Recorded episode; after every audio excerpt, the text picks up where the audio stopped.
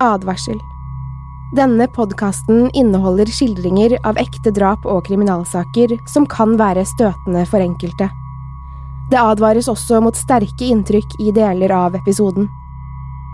Den 21. juni 1994 starter som en ganske vanlig dag.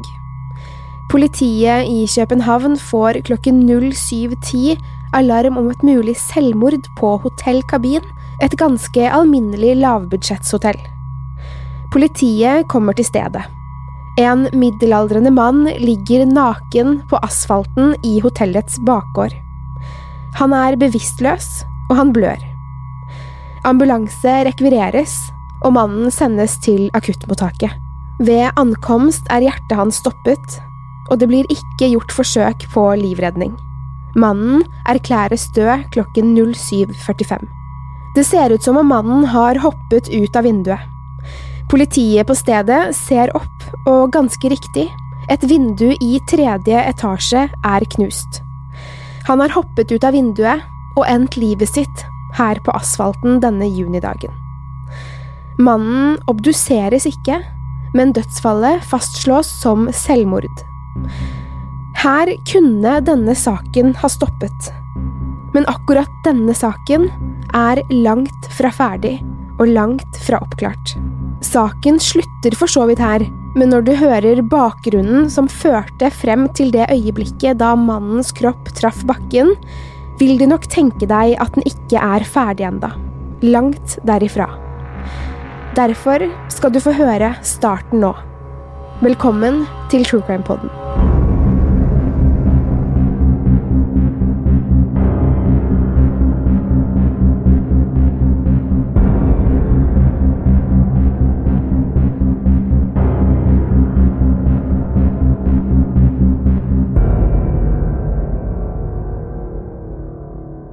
I Stortinget er det høylytte diskusjoner, ivrig lobbyvirksomhet og uenigheter.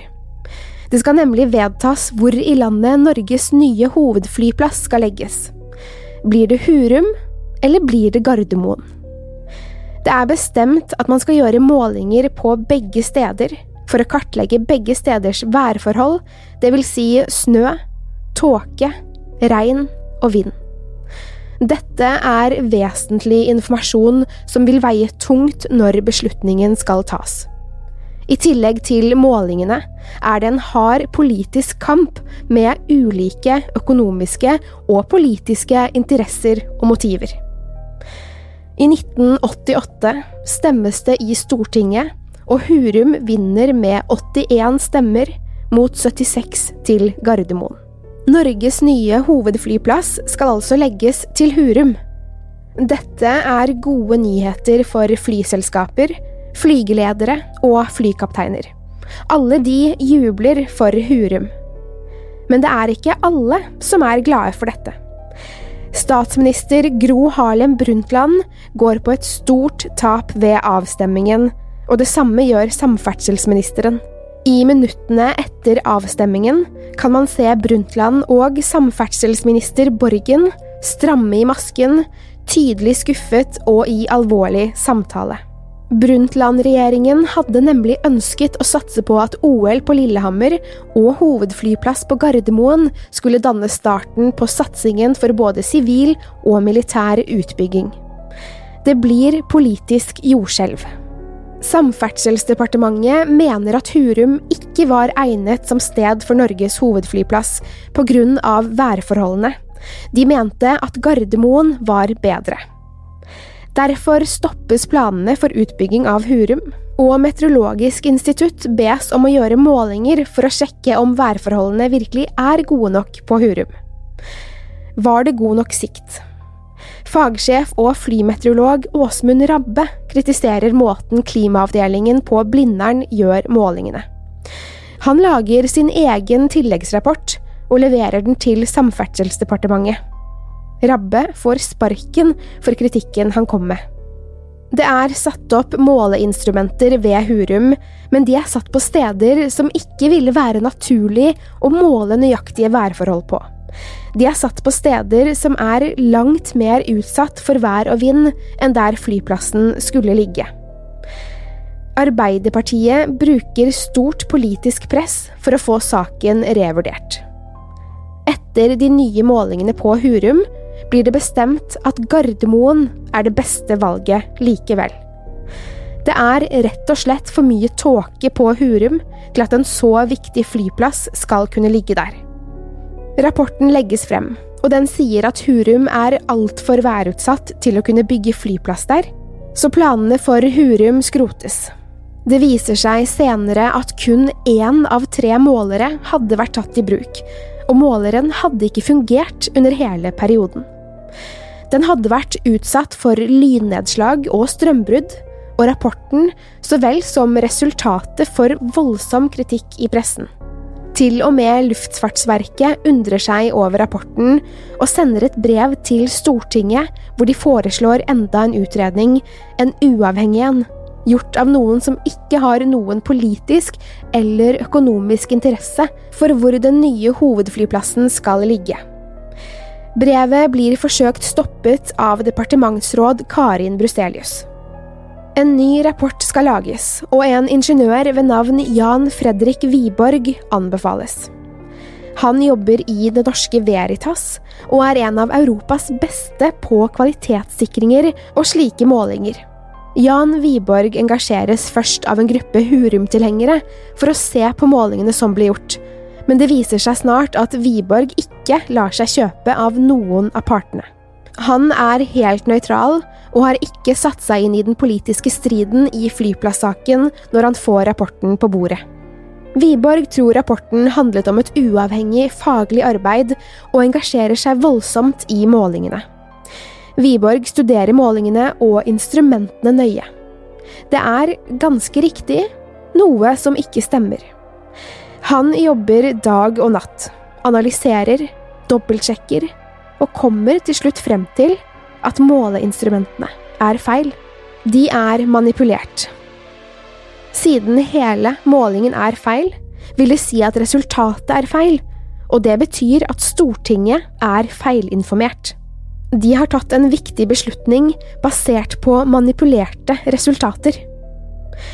Wiborg kontakter Meteorologisk institutt, som først ikke helt liker det han sier, men Wiborg forklarer at det ikke er instituttet sin feil, da de har jobbet med den informasjonen de fikk. Det var selve informasjonen som forelå, som var feil. Noen hadde manipulert måleinstrumentene med vilje. Wiborg forstår at det er viktig å få frem, og begynner å utarbeide en rapport som avdekker manipulasjonen. Han jobber i perioder gratis med rapporten, og begynner å bli mer og mer bekymret for sin egen sikkerhet. En dag når han kommer hjem til huset sitt i Asker, har det vært innbrudd. Vinduet på inngangsdøren er knust og brutt opp. Inne i huset ligger det papirer, endevendte skuffer, skap og hyller. Noen har sett gjennom alle papirene hans. Noen har vært på datamaskinen. Det som er rart, er at det eneste som er stjålet, er et par mansjettknapper. Wiborg begynner å mistenke at noen følger etter han. Han er åpenbart bekymret, og forteller venner og bekjente om mistankene sine. Han anmelder innbruddet, men siden det ikke ble stjålet stort, legger ikke politiet mye ressurser på anmeldelsen. Jan Wiborg gir seg ikke, og fortsetter arbeidet. Han er redd, sliten og et skall av seg selv. Flere synes denne saken, så vel som omstendighetene, ødelegger han som person. Etter lang tid med mye jobbing er rapporten klar. Wiborg er nå personlig konkurs, nedbrutt, men bestemt. Han vil offentliggjøre rapporten, slik at en riktig beslutning kan bli tatt. Jan Wiborg kontakter flere stortingsrepresentanter om funnene. Han forstår ikke hvorfor Stortinget vil undergrave de feilaktige opplysningene. Wiborg forteller til flere av representantene at han vil presentere sterke bevis for at Stortinget er blitt ført bak lyset, og han tror han vet hvem som står bak. Han kan dokumentere juks, og det kan føre til et stort mannefall om bevisene blir kjent. Jan Wiborg er bare dager unna å legge frem rapporten sin. Han er nervøs, redd og merker et stort politisk press. Noen følger etter han. De vet hvor han bor, hvilken bil han kjører. Han mener han er i fare. Wiborg snakker med en stortingsrepresentant og forteller at han skal på utenlandsreise før han legger frem rapporten. Han skal til København for å treffe sønnen sin, Daniel, fra tidligere forhold. Wiborg bestemmer seg også for å gå til politimesteren før han reiser, for å se på mulighetene for beskyttelse, siden han føler seg overvåket, men møter aldri politimesteren. Wiborg reiser til København. Han har med seg kofferten med alle dokumentene i, hele rapporten. Han har hatt kofferten med seg overalt i lang tid, så det som står ikke skal komme i feil hender. Wiborg har ikke bestilt hotellrom på forhånd. Han sjekker inn uten reservasjon og betaler for to netter kontant. Hotellet er ikke fancy. Det har små rom med enkel møblering. Wiborg sjekker inn alene. Han har med seg dokumentkofferten når han sjekker inn. Tidlig neste morgen våkner naboer til hotellet av at det skingrer i glass. Det høres ut som et vindu er knust. Over en time senere hører de en mann falle ut fra vinduet og treffe bakken. En kvinne som bor rett over gaten på hotellets bakside, sier at hun så en mann sitte i bar overkropp eller naken med ryggen til vinduet. Det så ut som han holdt seg fast i vinduskarmene. Hun kan ikke se flere mennesker inne i rommet, fordi det er for mørkt der inne til at hun kan bedømme om det var noen andre der. Plutselig ser hun mannen gjøre, som hun selv beskriver, en salto mortale baklengs ut av vinduet før han treffer bakken. Politiet kommer, og mannen erklæres død ved ankomst til sykehuset. Mannen som dør, er Jan Wiborg. Har han tatt livet sitt? Ifølge dansk politi sin utrolig raske rapport om dødsfallet, har han det. Men det er mye som tilsier noe annet. Her er det dansk politi rapporterer. Jan Wiborg er alene på hotellrommet den 21. juni 1994.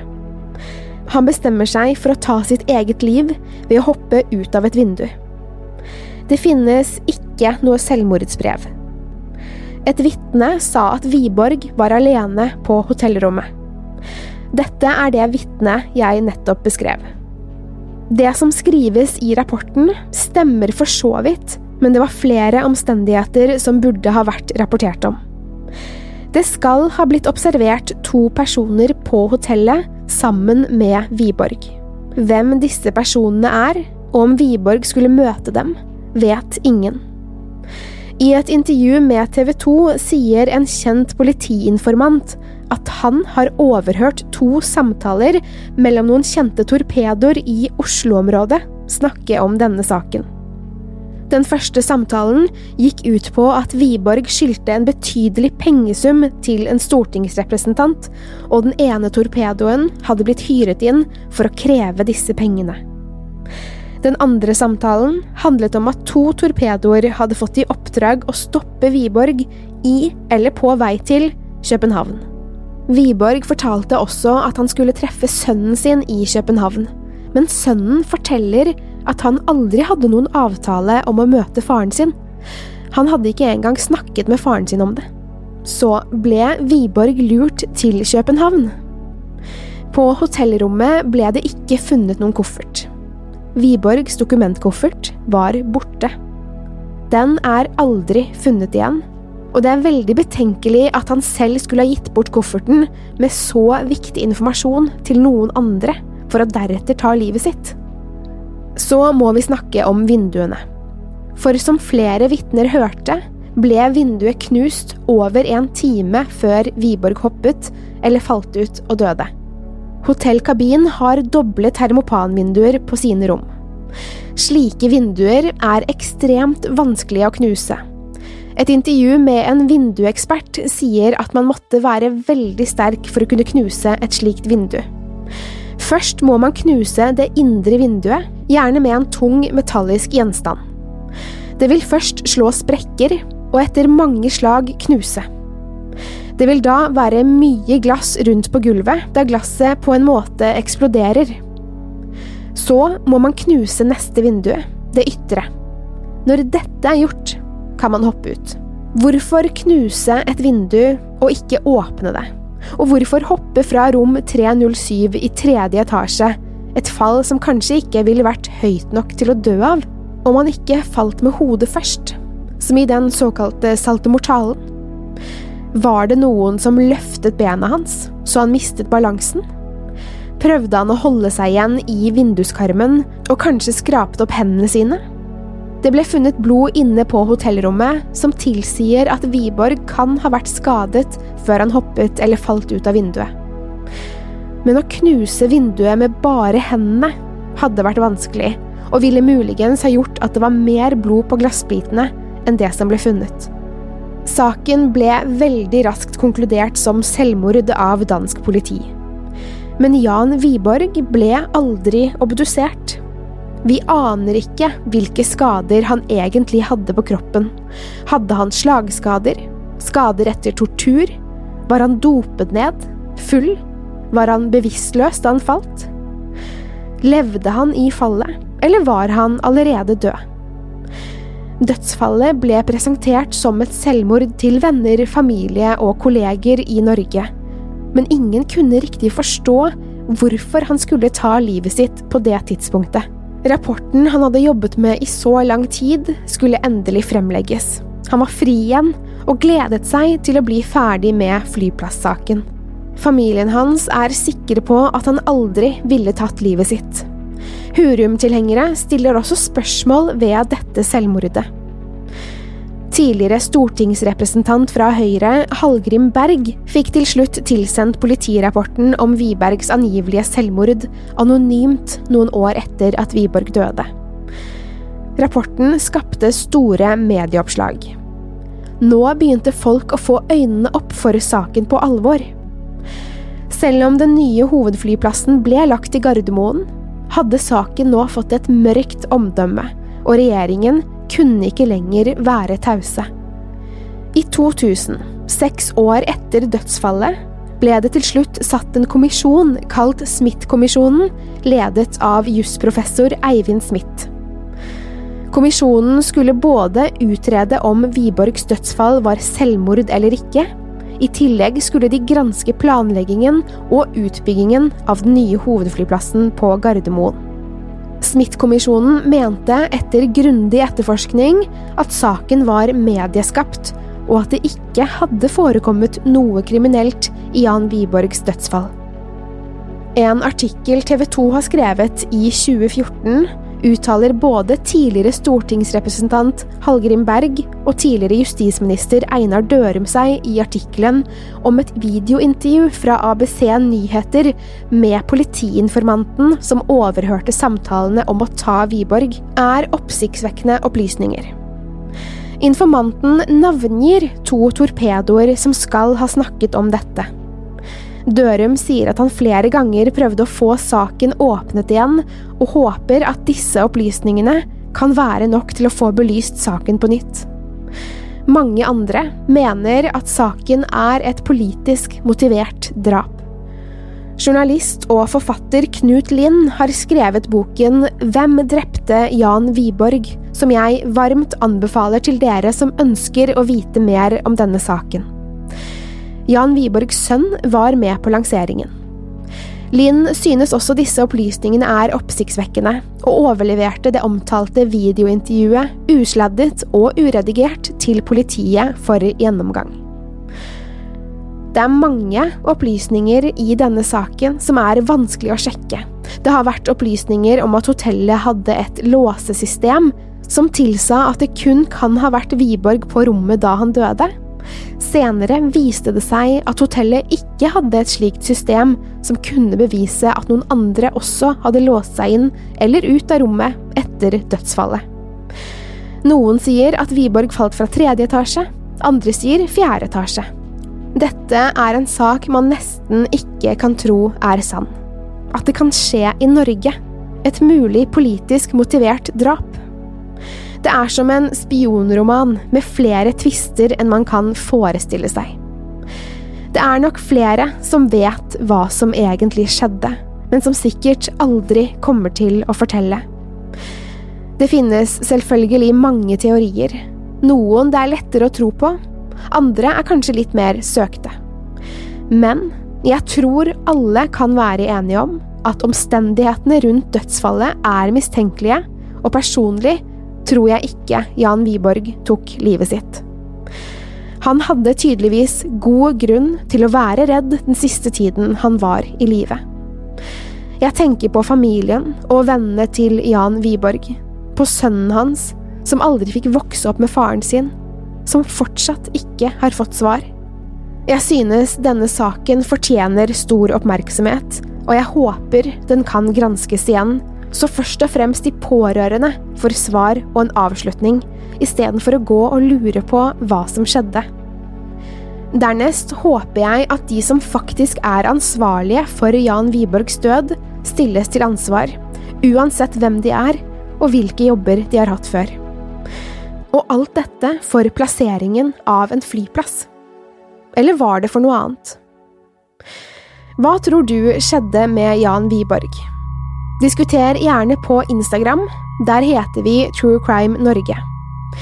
Det er som nevnt mange opplysninger i denne saken, noen jeg kanskje burde hatt med, andre jeg kanskje ikke burde hatt med, men hovedpoenget med denne episoden er å gjøre saken kjent for nye generasjoner, så den ikke glemmes. Vi kan ikke feie slike saker under teppet. Jeg anbefaler igjen boken til Knut Lind som heter Hvem drepte Jan Wiborg, og legger link til artikler jeg har brukt i denne episoden i episodebeskrivelsen. Til neste gang, pass på deg selv, og takk for at du har hørt på True Crime Podden.